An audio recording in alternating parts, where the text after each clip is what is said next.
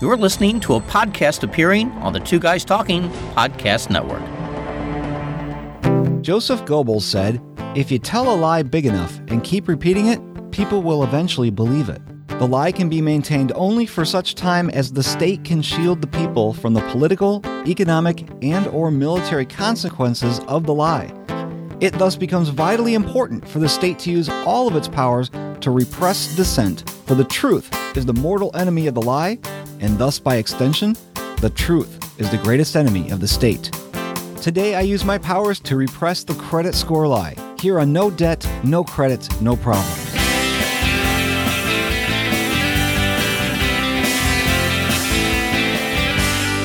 Welcome to the show. I'm so glad that you're here. My name is Steve Stewart. I am your host and protector of the truth when it comes to personal finance. You know, I love my podcast and I hope you do too. This podcast gives me the platform to spread my own brand of propaganda. Yes, it's propaganda, isn't it? Because underlying all my messaging is don't worry about your credit score, just do what's right. Stop borrowing money, live on a budget, build wealth, and don't worry about all that stuff about building your credit score. It's essentially what this show is all about. If you're a new listener, the show title represents exactly what we're talking about no debt, no credit, and no problems. Last week we spoke to Dan Macklin. He's a co-founder of SoFi, a large lending institution that does student loan refinancing, personal loans, mortgages and things like that. And he shared with us why SoFi is stepping away from using the FICO score lending algorithm. They're no longer using the FICO score. The credit score is not being used in how they approve people for mortgages and things like that. Since last week we talked about what's wrong with the system and why they're stepping away from it, this week I'm giving you an alternative to prove your creditworthiness. This is what you can then use to prove your creditworthiness so that you don't have to worry about hey, I got to get a credit card to build my credit and only borrow enough that I can pay back and not go over and make sure the bill's paid back every month and and make sure I don't go over the credit utilization rate and and blah blah blah blah blah. That's just another level of complication I don't want to have to deal with just so somebody else can evaluate me on how I pay my bills. So today I'm giving you an alternative. We get to sit down today with Steve Ely. He is the CEO of eCredible, a company that is changing the landscape for credit score lending. It erases all those worries that I might need to have a credit score for a mortgage because I can prove my credit worthiness instead. It erases the fear that I might have my insurance jacked up because my credit score is non-existent because I don't borrow money. It gives me the courage to stand here and tell you that for eight years I haven't used a credit card and I'm still able to travel and still able to buy things online. I'm really excited to bring on Steve Ely from eCredible. Welcome to the show, Steve. Thanks, Steve. It's great to talk to you again. Man, this has been a while, but uh, you guys have been plugging away for a long time. Uh, Steve, the CEO of eCredible, you've been with the company for I think you said 5 years now? Yeah, it's been over 5 years and you know, it's amazing how long it takes to make meaningful change to the whole uh, credit reporting industry. It is a relatively uh, old and stable industry that doesn't like change and what we're trying to do is um uh, it's a pretty significant change and it's just taken time to do that uh, but we're happy that we're making some real good progress here. I think the last time I had you on any of my interviews was probably about 3 or 4 years ago Uh, so I've got a lot of new listeners who don't have any idea what eCredible does. You want to give us a quick, you know, 30 second to 1 minute description of what eCredible does and and what it stands for. Sure. So eCredible is a credit bureau, but unlike traditional credit bureaus that really work with other businesses to create credit histories with credit scores on consumers, uh which inevitably creates a FICO score. Uh we work directly with consumers to help them demonstrate their credit worthiness based upon bills they pay like rent, mobile phone, utilities, insurance. Um that is a way to demonstrate that they are credit worthy and that lenders uh, should take a look at them and consider their credit worthiness in spite of the fact they may or may not have a FICO score my show's called No Debt, No Credit, No Problems, but I keep talking about this credit thing and and I do believe people should be credit worthy, but you know I'm I'm always pushing them to be debt free not uh, not to borrow money and and build a credit score. So they may be a little confused why I'm endorsing eCredible because you guys do try to help people to get favorable loan rates on cars and things like that. And uh you know, if somebody wants to go out and get a loan for things like that, more power to them, that's fine with me. But what you stand for is that alternative system because it's more well-rounded. It's more inclusive of all the things that people should be evaluated on when looking to get a mortgage, when looking to get a car loan or whatever it is. What are some of the things that you guys have verified and how does that work as far as proving someone's credit worthiness? What we do is we take a look at how people pay just their everyday bills. Uh if you're a renter, you're certainly making your your your rental payment every month. Uh, most people have cell phones, most people pay some kind of insurance. Obviously, utility bills like gas, water, and power, maybe satellite or cable. Those are typically the kind of bills that we all have uh, that are not calculated in a traditional credit score.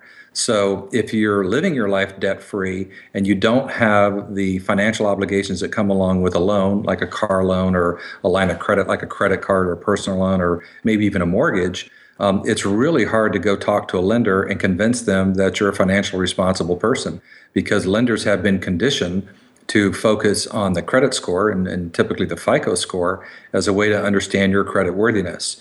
And so what we do for lenders is we give them an alternative view of the consumer.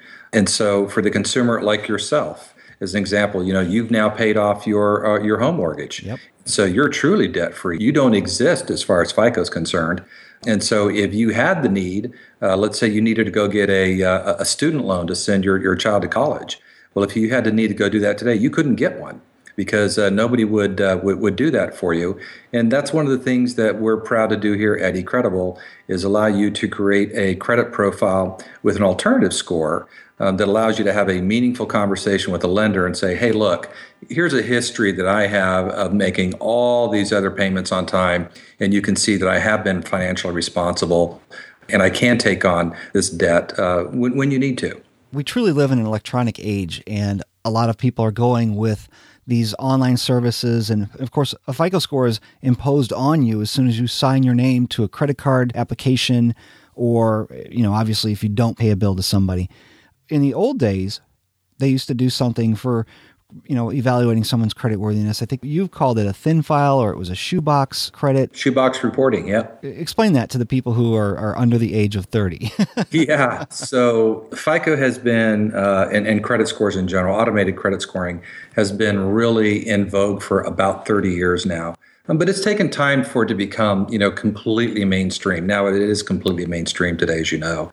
But if you think back 20, 25, 30 years ago, um, it was not mainstream. And so if you needed to uh, borrow money to get a car loan or if you wanted to go off to college, you literally went down to your local bank or credit union. You had a conversation with them about uh, who you are and, and why they should take a chance on you. And what were the obvious questions they asked? They said, well, gosh, Uh, who's your family? How long have you lived where you live? You know, what kind of job do you have? How long have you had your job? Uh, do you have any other financial obligations that I should be concerned about? You know, those are just kind of the questions that a lender would ask you. And you kind of relied on that person and the financial institution that they represented to make a decision, a reasonable decision based upon your circumstances. Well, credit scoring changed all that because if you um you know, I talk to a lot of consumers and they get frustrated with this whole credit scoring model and why does it appear to be so unfair? You have to kind of put on the hat of the lender. And and let's think about large lenders for a minute here. The lenders that do huge scales that issue a lot of credit cards, a lot of car loans, a lot of mortgages. In order for them to be operationally efficient, they have to use things like credit scoring models because it takes the human out of the conversation and out of the equation. Uh and and they want the human out of it because that kind of slows the process down. That works very well for them, but not necessarily for every consumer. And so what Incredible has tried to do is to put some control back in the hands of the consumer where the consumer can stand up and say, "Hey, wait a minute. I'm credit worthy. I can prove it." here's a credit report from a credit reporting agency uh, that demonstrates that I am indeed a creditworthy individual. So we're not trying to wind the clock back 30 years here because that's not going to happen. But what we are trying to do is to help consumers know that there is an alternative and there is a way for them to go have a conversation with a lender and basically say, here's proof that I'm creditworthy. So eCarnival's really stepped into the position where it used to be manual underwriting or manually verifying someone's creditworthiness. Could you explain to my audience how eCredible works as far as, you know, what is it that they see when they sign up for a free account mm -hmm. and what is it that they would have to spend to be able to go through the process? Basically what lands up happening is what we're asking the consumer to do is to help us help them build a credit history, build a credit file. And so they literally come to ecredible.com, uh they they set up an account and they need to enter in all the information about the bills they typically pay every month. So let's pick on rent well we need to know who's your landlord what's their name their phone number uh, what's the address of the rental property when did you start the lease what's the typical amount you pay every month have you ever had any late payments All those kinds of questions get put into your credit file at eCredible. And we would ask that for your mobile phone and your insurance and your electrical bill and things of that nature. So once we have that kind of information, we have our own scoring model that we run that information through and we can share with the consumer based upon what you've told us, this is how our scoring model would view your credit worthiness. And we rank people on a scale of A through F. Everybody knows that an A is pretty good and an F is pretty bad. Uh, so we don't need to educate them on, on what a number means. Uh, once we have that, then what the consumer can do is say, okay, um, I look pretty good here, and I think I want to go ahead and get my credit report uh, so that I can use it in a conversation with a lender, or maybe it's to apply for a, a new apartment lease. Um, because as you know, every time you uh, lease an apartment, they're going to run a, a tenant check on you. And if you don't have a credit history, um, they're going to ask you to put two, three, four, five months worth of deposit down before they lease the apartment to you. So this is a way to, to eliminate that potentially with a lot of landlords. Um, but in order for us to produce your credit report, um, we have to verify that the information that you provided us is true and accurate. Since we are a credit reporting agency and we are, you know, regulated by the Consumer Financial Protection Bureau, we have a lot of regulations that we have to comply to. And one of those is that we can only put things in the credit file that affect your credit score that are a true, fair, and accurate. And so we land up having to contact your billers and your landlord, uh, and that costs money to do that. And so uh that's somebody, you know, getting on the phone and and chasing them down and having the conversation and asking all the questions and capturing that and putting it into our system. And so today we charge the consumer uh 19.95 per account they ask to have verified to be included in their credit report which affects their credit score from eCredible. Most people to get an excellent credit rating which would be an A have 5 accounts verified.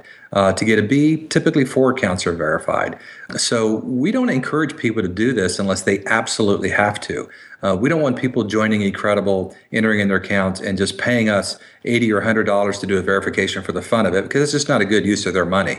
Um, we only want them to do it when they need to apply for credit, when they're ready to have that conversation with a lender and they need to get their report and score from a credit reporting agency so they can demonstrate to the lender that this is uh, true and factual information.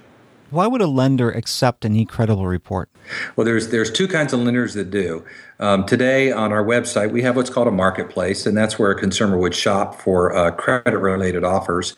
Um and there are two mortgage companies, for example, one's called Churchill Mortgage and the other one is Southwest uh South Pacific Financial Corporation, excuse me.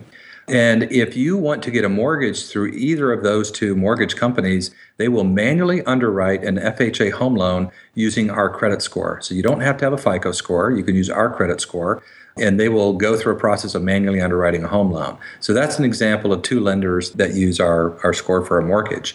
We recently announced a bank, BBVA Compass Bank, uh, based out of Birmingham, Alabama, who has a national credit card and you can come to eCredible, earn a credit rating of an A or a B, and then use that to apply uh, for that credit card. And the bank will use our credit rating in their underwriting process just like they would with a FICO score. But the beauty of this is that you don't have to have a FICO score. So you didn't have to go get all levered up on debt to create a, a long credit history and create a really good FICO score to go get applied for this credit card. You could be living completely debt free. And if you feel the need to have a credit card for whatever reason you want to, you could go do that. That's an example. The third example I would give you, and it's the one that most consumers that come to eCredible actually do, it's the landlord example. It's the consumer that is changing apartments They're moving on up in the world and the, the new landlord says, you know what, I need to run a tenant screening, check on you. And they go and they pull a report from one of the credit bureaus and you don't exist because you don't have a credit file. And so they're going to say, gosh, in order for you to rent this apartment for me, I'm going to need a three, four, five, six month deposit. And, you know, consumers don't want to do that. You don't want to lock up all that cash uh, just because you don't have a credit history. Well, you could come to eCredible and go through our process and use our credit report to either completely eliminate that or reduce it down to a normal deposit of, you know, just one months of uh, one months of payment history. Well, I guess that leads me to the next question is who is eCredible really designed for? Because if people already have a traditional credit score, they could go through the normal processes without having to go through eCredible. But you know, uh, we talked last week with Dan Macklin from SoFi. He came over to the United States with 15 years of credit history, and it didn't mean squat here in the United States. So who is it that truly benefits, in your mind, for using eCredible? We tend to focus on reaching out to uh, young people and immigrants. So let's use Dan's example as an immigrant. It is true that when most immigrants come to the United States, um, we see a lot of professionals that show up that, you know, have a great credit score when they lived in the UK or India or wherever else they came from. Uh, and they show up in the US, but they don't have a credit file here in the US. Uh, so when they go to buy a car or get a mortgage whatever, they're they're accredited invisible. You know, they're not on the on the US grid yet. And so they're really stuck. And unfortunately, in the case of most of those consumers, not even we can help them because the way that our process works is we need to see up to the prior 24 months of payment history for the bills that I described earlier, rent, mobile phone, utilities, and insurance if we can't access those companies and verify your payment history there's no way for us to build our credit report. And due to the cost structure of this you know we can't economically land up trying to verify somebody's payment history if they lived in India. That that just doesn't work um economically. And so unfortunately for most of those people we can't we can't really help them on day 1 but we can help them pretty quickly. So we would have that consumer uh, join eCredible, start paying their bills on time, and then they're very rapidly going to uh, to build a credit history that can work to their advantage. Most people, if they have a sizable number of bills, and I'm talking about paying rent like $1,500 a month or so uh, and other meaningful bills, they could get to a good credit rating as little as 12, 14, even you know 18 months if you're living with five other people and and sharing a house and paying $200 a month in rent that doesn't help much on our credit score that that doesn't demonstrate that you're you're really capable of taking on a sizable financial commitment now alternatively Um let's talk about companies like SoFi and there there are plenty of them out there. You know, there's uh there's Prosper Lending Club, Avant, uh, there's there's a lot of companies out there in the so-called uh, P2P alternative lending space. And, and so what are they doing? they're using traditional credit data like a credit file which they could get from one of the three major credit bureaus but they're using a lot of alternative data as well. And so they might check out things like how long have you lived at a certain address? You know for example um if you have a history of moving every 6 months you're probably not the most stable person. But if you've been living in the same place for 2 or 3 years and you don't move that often, that's an indicator of someone that's pretty stable. They probably have a a regular job and and and all those kinds of things. They would also check your employment record. If you've been working at the same company 2, 3, 4, 5 years, that looks really good. And that's a factor that they can put into their credit score to make their decision. Uh, those are the same kind of things that I talked about earlier that, you know, uh, when we were, you know, manually underwriting loans, those are the same things that people looked like when they were manually underwriting loans. The difference is now is that uh people like SoFi are accessing that information in the online world and using it in an automated fashion to make a rapid uh, credit decisions. Now, they're using it for things like personal loans. Uh, you might go to SoFi and get a loan for uh, $25,000 because you're uh, you want to pay for a wedding or or college or whatever it is you want to do. They're able to underwrite those kind of loans but it's called alternative lending simply because it's using non-traditional credit file data. And um, those companies are doing quite well. They aren't on the same scale typically as some of the, the super big lenders like the really big banks. And uh, they, they sometimes have limitations in terms of the states that they can work in because in the lending business, you do have to get licensed uh, state by state. There's no such thing as a, as a national license. But nonetheless, those guys are doing well and growing. I think one of the reasons why I love Incredible so much is because it's a mindset change. You know, we talked about how we're looking at alternative ways to prove creditworthiness, and it's the advice that you guys are giving that I really appreciate because when you talk about the traditional FICO score, you know, how do you build a FICO score? It's always about take on debt, pay off the debt, and you get yourself into that cycle. Whereas the message is coming from Incredible is pay your bills and debts on time and you could prove your credit worthiness that way. Yeah, it's fantastic. You know, um, we, we love it. Um, a lot of consumers obviously love it. A lot of banks love it, you know, because banks, if you think of yourself as a bank, you know, it's funny how consumers think about banks. You know, so many of them use them just for a checking account where they can deposit funds and use a debit card to maybe write checks or pay bills or whatever. But, you know, that's not why banks exist. That's a convenience they provide to consumers. But banks exist to lend you money. Uh, they make money when you take out a loan and they charge you interest on that loan. That's how they make money. And so one of the challenges that banks have is you know it's a hyper competitive space. We all get uh, direct mail offers all the time from banks saying, "Hey, open up a new checking account. We'll give you a $200 credit or a $500 credit or or any of those kinds of things." Well, there's only so many people that want to do that and can do that. And so once you kind of run out of that market space if you will, you need to start looking at other kinds of consumers. Well, most young people uh, don't want to do business with banks. You know, I've got a couple of millennials of my own and the thought of walking into a bank is just totally foreign to them. They wouldn't want to do that for any reason. And so in their minds it's kind of like, no, I just need this online capability to do certain things when I need to do them and it usually comes down to paying bills or paying other people and that's really all they want out of it. And so one of the one of the things that we can help a bank with is to understand, hey, just because this consumer doesn't have a credit score doesn't mean you shouldn't do business with them because someday they're going to need a loan. They're going to want to get a mortgage, you know, they may want to get a car loan or, or student loan or whatever the case might be. And so why not, you know, start a relationship with them today so that in the future you may be able to serve them uh, through another uh, a financial product.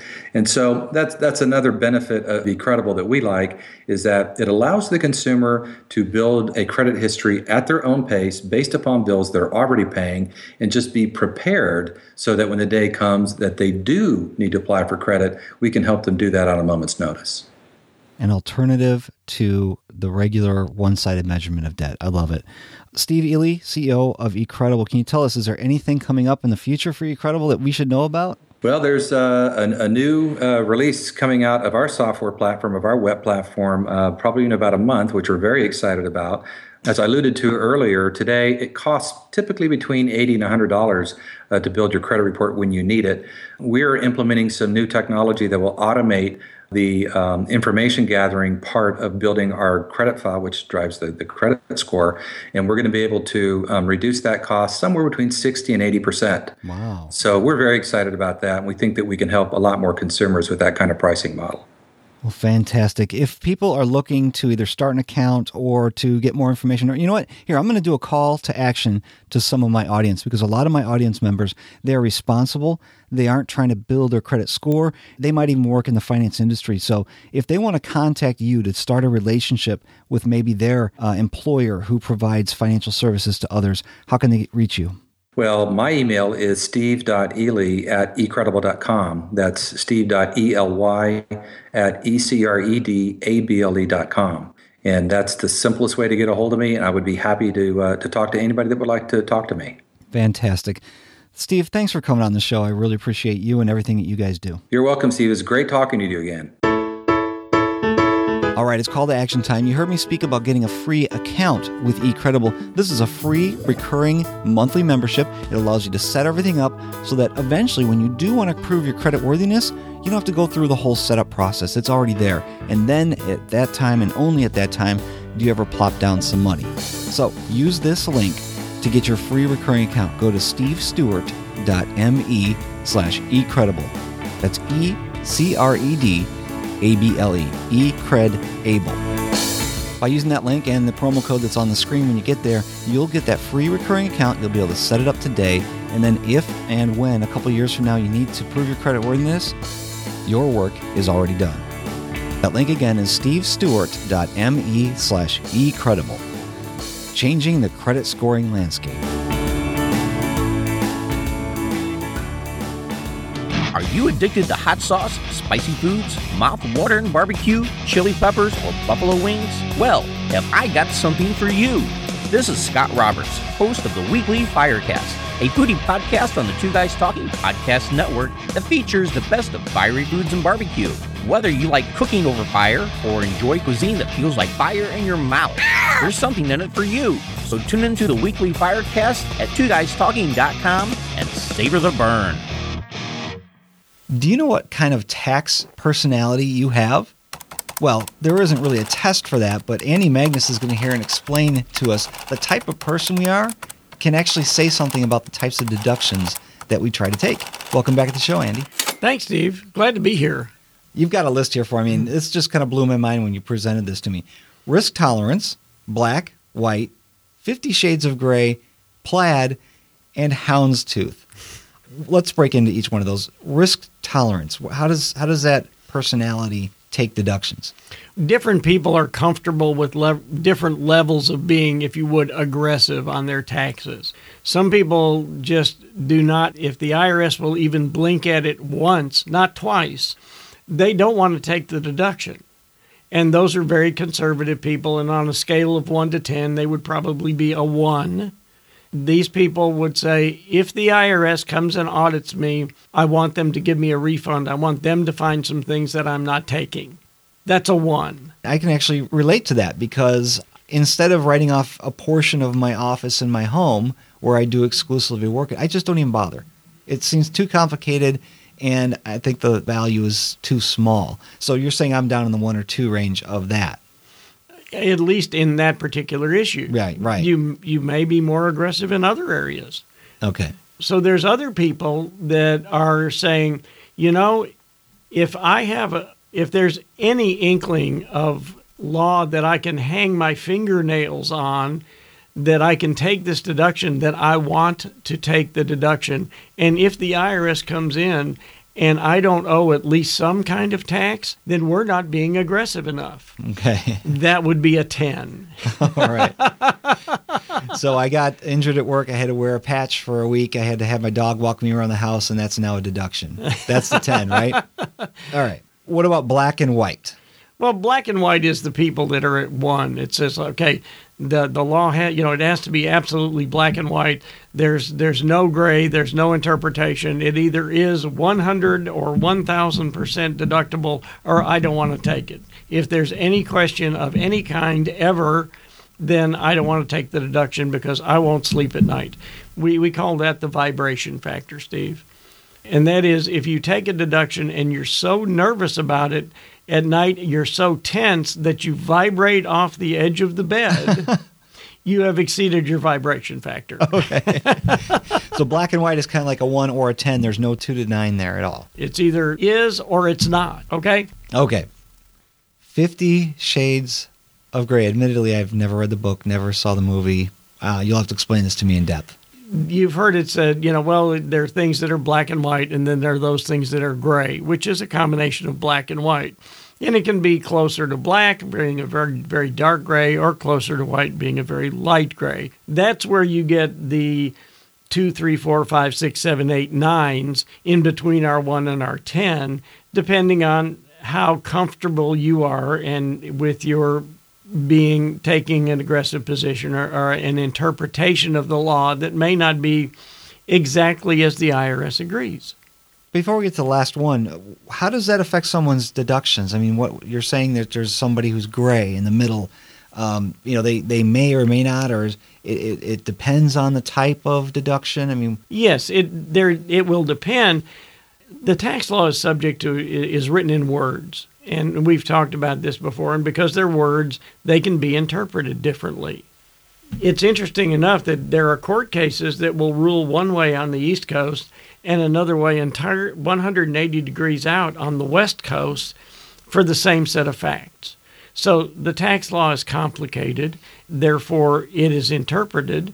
So if there's a court case against it here on the West Coast or on the East Coast, then I don't want to take the deduction because there's a chance that the Supreme Court, when they decide which one is right, is going to rule against me. So that's it depends on how comfortable you are taking that position, whether or not it is. Uh, so you know your your two through nines will be what are the probabilities I'm going to get audited. Anything you put on your tax return is deductible. Can I deduct it? Yes, because you put it on your return. Ultimately, is it deductible will depend on whether you've either passed the statute of limitations and the IRS has not audited you, or the IRS came in and put their rubber stamp okay on it. So, how aggressive do you want to be? At how aggressive will the IRS even take a look at it? Will the IRS, if they look at it, question it, and or will it be a trigger so the IRS will come and look at it? And again, it is the individual taxpayers' comfort level as to how aggressive they get and how, how much it's going to affect their sleep.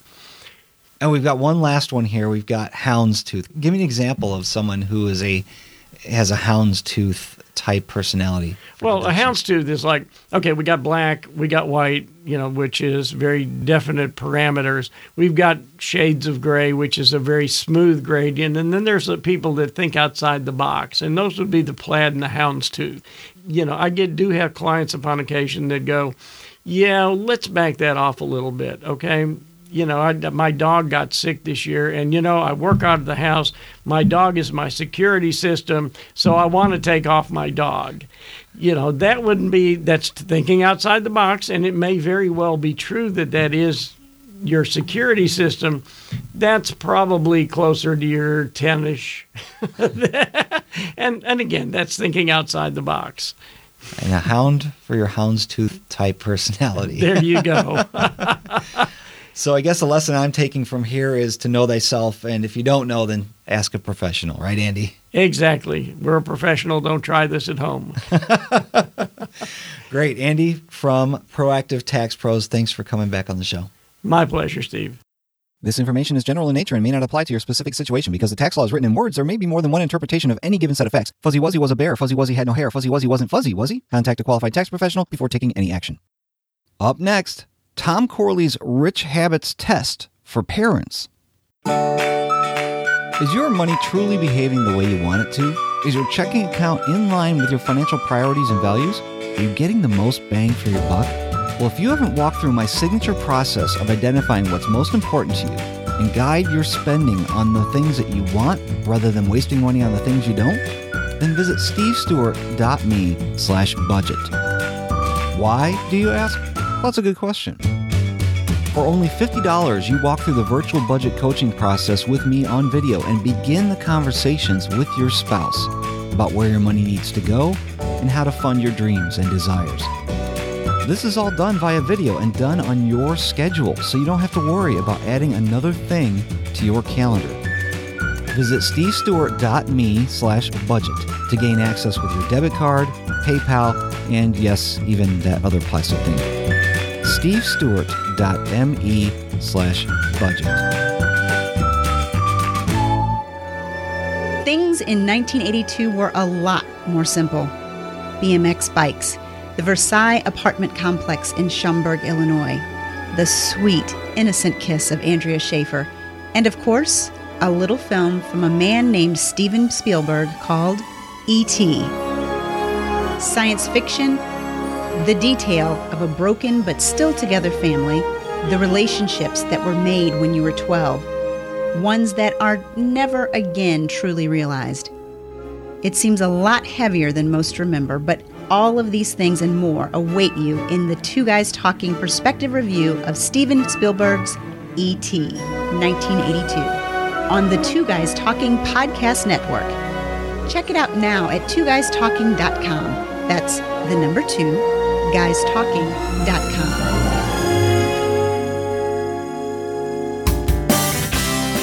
Hey guys, this is Jay Money from BudgetsAreSexy.com. You're listening to Steve Stewart on No Debt, No Credit, and No Problem.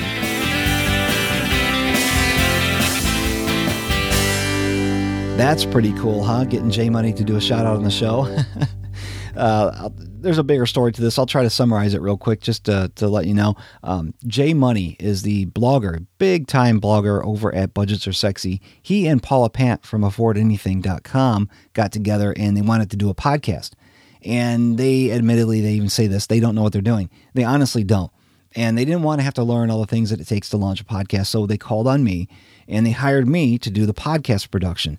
Now this isn't just you know, getting them ready to launch. I actually do all the production for them. They just hit record, they send me the file, I do the editing, make them sound really good, do the uh, transitions and converting and tagging and uploading and scheduling. And basically, all they have to do is go in, make sure the blog post looks good, hit re uh, hit release and uh and and it's done. So I've been working them, with them for a couple months and J Money and Paul, they're just as genuine as they are uh, if you hear them on any of the other shows or if they if you read their blogs just some amazing people and they've seen some mad success from the launch of their show. So i'm really really proud to be able to be part of that team. And uh if you're looking to launch a podcast you know, come see me. I've also got a course on how to how to edit and record using Audacity. There's a free version and there's a paid version. So if you want to learn more, just go to stevestewart.me. You'll see coaching and courses up in the top right-hand corner. Contact me for any one of those. And okay, now I've had enough sales pitches that I'm making myself sick. So let's move on to Habits of the Rich. Tom Corley wrote an article called Are You Raising Your Children to Be Rich or Poor? Take this test to find out. What I'm going to do is I'm going to read the two paragraphs that precede the test. That'll give you some time to actually go if you want to go and pull this up, maybe print it yourself. There's a link to it in the show notes at stevestewart.me.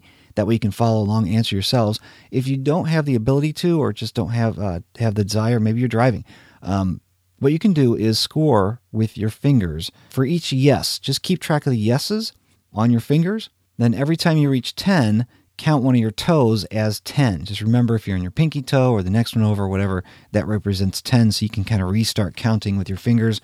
That's while you're driving or jogging or whatever. Because at the end of these 40 questions, we're going to score this out. Go ahead in the show notes at stevestewart.me. You can print off that PDF or bring it up on your screen and then uh, follow along with the 40 questions. So here we go. Are you raising your children to be rich or poor? Take this test to find out by Tom Corley. Do you have any idea if you're raising your children to be successful in life or raising them to be mired in financial struggles for their entire lives?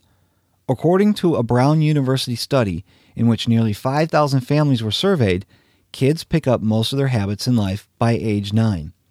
Parents by far have the most impact over the habits their children will take with them into their adult lives. Parents can unknowingly set their kids up to fail in life by virtue of the habits their children pick up from them. Geez, are you scared now? I'm sweating bullets here.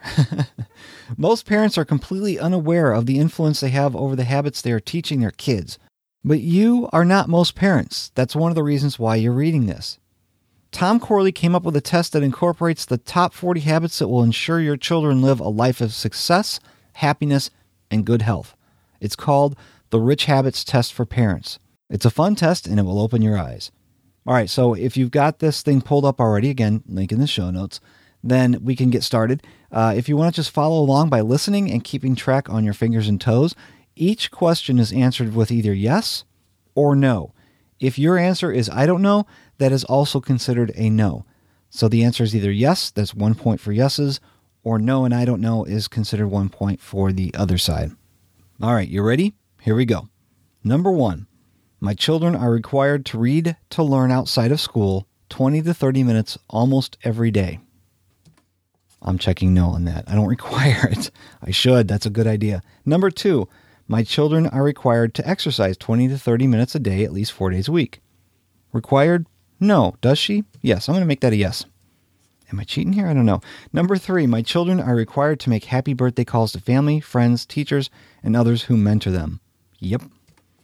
Number 4. my children are not permitted to eat more than 300 junk food calories each day. For me, that's a no. Uh, it's blown away every Friday night pizza night at our house for sure. But uh, I will say she eats very healthy because my wife feeds us very healthy. And uh, so, well, I honestly have to say that's a no. How, how about you? Do you do you let your kids eat more than 300 junk food calories each day? That was number 4. Number 5. My children are required to acknowledge life events of their family, friends, and teachers and others who mentor them. My children are required to acknowledge life events I guess that would be like birthdays, anniversaries. Um, required, I have to say no to that. How about you? Number six, my children are required to set and pursue goals. Darn it, I have to say no to that one. Number seven, my children were required to create a detailed vision of their ideal future life. Well, Tom, that's kind of a hard one if you got like a six year old. I mean, how, well, I guess, you know, they could dream. You know, we just have to answer this honestly, right? Number seven, my children were required to create a detailed vision of their ideal life. I have to give myself a no there.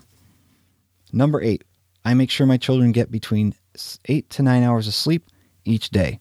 Yes, absolutely. Number nine, my children are encouraged to express gratitude every day for what they have. Oh, yeah, I get a yes on that. My daughter is very, uh, it's amazing. She's very good at it. Number 10, my children are taught to be positive, upbeat, and optimistic. That's what I'm here for. Checking yes. Number 11.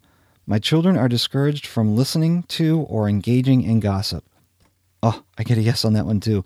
My daughter comes home talking about how kids just at school just talking about each other and it, it just grinds on her. So I could say yes on that one. Cool. How about you? Number 12. I try to surround my children with individuals who are good role models. Try? Absolutely. That's a yes in my column. Number 13. My children are 100% confident that they will be successful in life. Hmm. I got to think about that one. How about you? What do you do you immediately know that they think they'll be successful? I think that's a yes.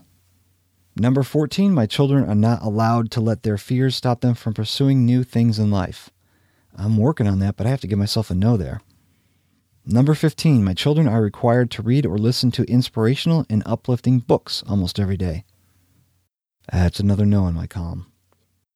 Number 16. My children are not allowed to watch more than one hour of TV most days. Ooh, I get a yes there. Number 17. My children are not allowed to spend more than one hour a day recreationally on the internet. Uh, that's a no. My 15 year old daughter has a boyfriend in California they've never met, but they've had a relationship for a year and a half. Number 18, my children are not allowed to spend more than one hour a day on their electronic devices, cell phone, computer, and video games. Uh, my previous comment just answered that question for me, didn't it? That's a no. Number 19, my children are required to read biographies of successful people. Required, maybe at school, not necessarily home. I'm going to have to give myself a no. Number 20, my children are required to volunteer or participate in clubs or groups 5 or more hours a month. She does. Number 21. I do not allow my children to eat fast food more than once a week. All right, Tom, what do you mean by that question? Do not allow or she does not? Because she doesn't. And it's not that we don't allow her. It's just that we, well, we don't. I'm going to give myself a yes on that. Number 22, my children are required to eat good, nutritious food almost every day. My wife makes sure that. By the way, if you want to see some really incredible recipes from what my wife puts together, I'll have a link in the show notes too, but go visit ifmyeyescouldEat.com. I love that name, ifmyeyescouldEat.com. The dishes that she puts together are just amazing and a lot of them are super nutritious. I mean not not, you know, paleo or organic, but uh just really good wholesome food and uh man, it's good stuff. All right. Moving on, number 23, my children are encouraged to surround themselves with optimistic, upbeat, positive friends. My daughter does. I get a yes there. Number 24, my children are discouraged from associating with negative, toxic friends. Yes. That's a good one. How you doing? You following along pretty well? I just flipped the page and there's a lot of no's on mine. man. All right, number 25. My children are required to save 30 to 50% of any money they receive from chores, work, and gifts. You know, I have to give myself a no there, even though she does. She puts the money aside and saves up for bigger purchases. So, I'm, but I'm still have to say no cuz she's not required to. We encourage her to, but she's not required to. Number 26. My children are not allowed to spend their money recklessly. Yes, that's true. That's yes. Although if she did want to buy something stupid, I would definitely look at that as a learning opportunity. So, um I'm going to say yes to it even though I would let her do it and learn from the mistake. Number 27. My children are encouraged to learn something new every day. Yes. Number 28. My children are punished for negative emotional outbursts, especially anger. Thank God we don't have that problem too often, huh? Number 29. My children are taught to control the words that come out of their mouths. They are discouraged from saying whatever is on their mind.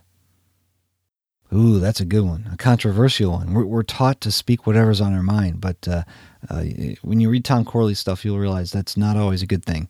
Number 30, I teach my children not to allow anyone to treat them poorly or with disrespect. Number 31, my children are taught to always keep their word. Oh, yeah. Number 32. My children are taught to never criticize, condemn, or complain. Number 33. My children are discouraged from quitting. Well, it's encouraged for sure. it doesn't always, you know, stick, but Number 34. My children are taught to gather detailed information about the lives of their friends, teachers, and others who mentor them. Hmm. Um That's an I don't know. I'm going to just make that a no. Number 35, my children have good etiquette skills. Mhm. Number 36, my children are taught to listen more than they talk. Hmm, taught to listen more than they talk. That's an I don't know. I'll have to come back and think about that one. Number 37, by the way, I don't know equals no. Number 37, my children are not permitted to do drugs or associate with anyone who does. That's a yes in my book. Number 38, my children are taught to avoid repeating mistakes. Oh yeah. If the mistake is painful enough, they won't repeat the mistake and uh thank God it happens under my roof, you know, where we can still protect her. Number 39, my children are taught to never expect handouts from anyone. Ooh, that's an entitlement question. My children are taught to never expect handouts from anyone. Number 40, and then we're going to tally these up. My children are taught that taking individual responsibility is critical to success. All right, there's our 40 questions. I'm going to add up my yeses and my nos real quick. Actually, I'll probably pause the recording so you don't even know I'm gone. And we will see what the total is. Here we are. Um, wow. Okay, so this is pretty brutal. Uh, you actually take the number of yeses and subtract the number of nos. If you're only tracking the yeses, then subtract that number from 40 For example, let's say you had 30 yeses, that means there were 10 no's. Now you have to take the 10, subtract it from your 30. That's how this scoring works. It's a little little weird, but uh, you know, so it'd be your yeses, 30, minus the no's, which would be anything but yeses would be 10 no, in that situation to give us a score of 20. My total is 14. Ouch. That's just oh, that's brutal. So here's what this means. If you scored 31 to 40, Your children are on a path of incredible success and they will likely be extremely wealthy. If you scored 21 through 30, your children are on a path to success and chances are good that they will become wealthy. 10 to 20, your children are on the path to an upper middle class lifestyle. Ugh. I got to do better zero to nine, that means you had almost as many no's as you had yeses. Uh, your children are on the path to a middle class lifestyle, which, I mean, ain't bad. And we can change some things around. In fact, I'll give you some positive affirmations after this. However, if you scored a negative one to negative 10, your children are on a path of financial struggle. And if it's a negative 11 to negative 40, your children are on the path to poverty. What's interesting about this test to me is a lot of these things are spelled out in Tom Corley's writings in his book Rich Habits. It's more of a storyline. In his new book Change Your Habits, Change Your Life, he kind of teaches more of the background of of how habits are developed and and uh the things that happen in your brain to help develop a new habit and uh it's going to be an extremely good book. I'll make sure you know when the book is coming out. And don't forget I am giving a copy of his book away, so make sure you visit the show notes for a link on how to find out where to enter. But what we can do is with a lot of these questions, these yes or no answers, we can turn them around. Every time you change a no to a yes, you change your score by 2 points, not just 1. Because remember, each time you answer no, you subtract 1 from your yeses. So if you change a no to a yes, you don't just gain 1, you gain 2 by moving the check mark from one column to the next, from the negatives to the positives. By simply restricting TV time to an hour, and requiring them to read 20 to 30 minutes a day, that would be a, a change of position by four points. Change five no's or I don't know's to yeses, you change your score by 10 points. That's pretty substantial when you look at this Rich Habit Test for Parents quiz. So now what I think I'll do is I'll take a highlighter and I'm going to highlight those things that I think we can change pretty quickly and easily and then we'll start to work on those other no's and get her to a 30 next time. That would be very cool, isn't it?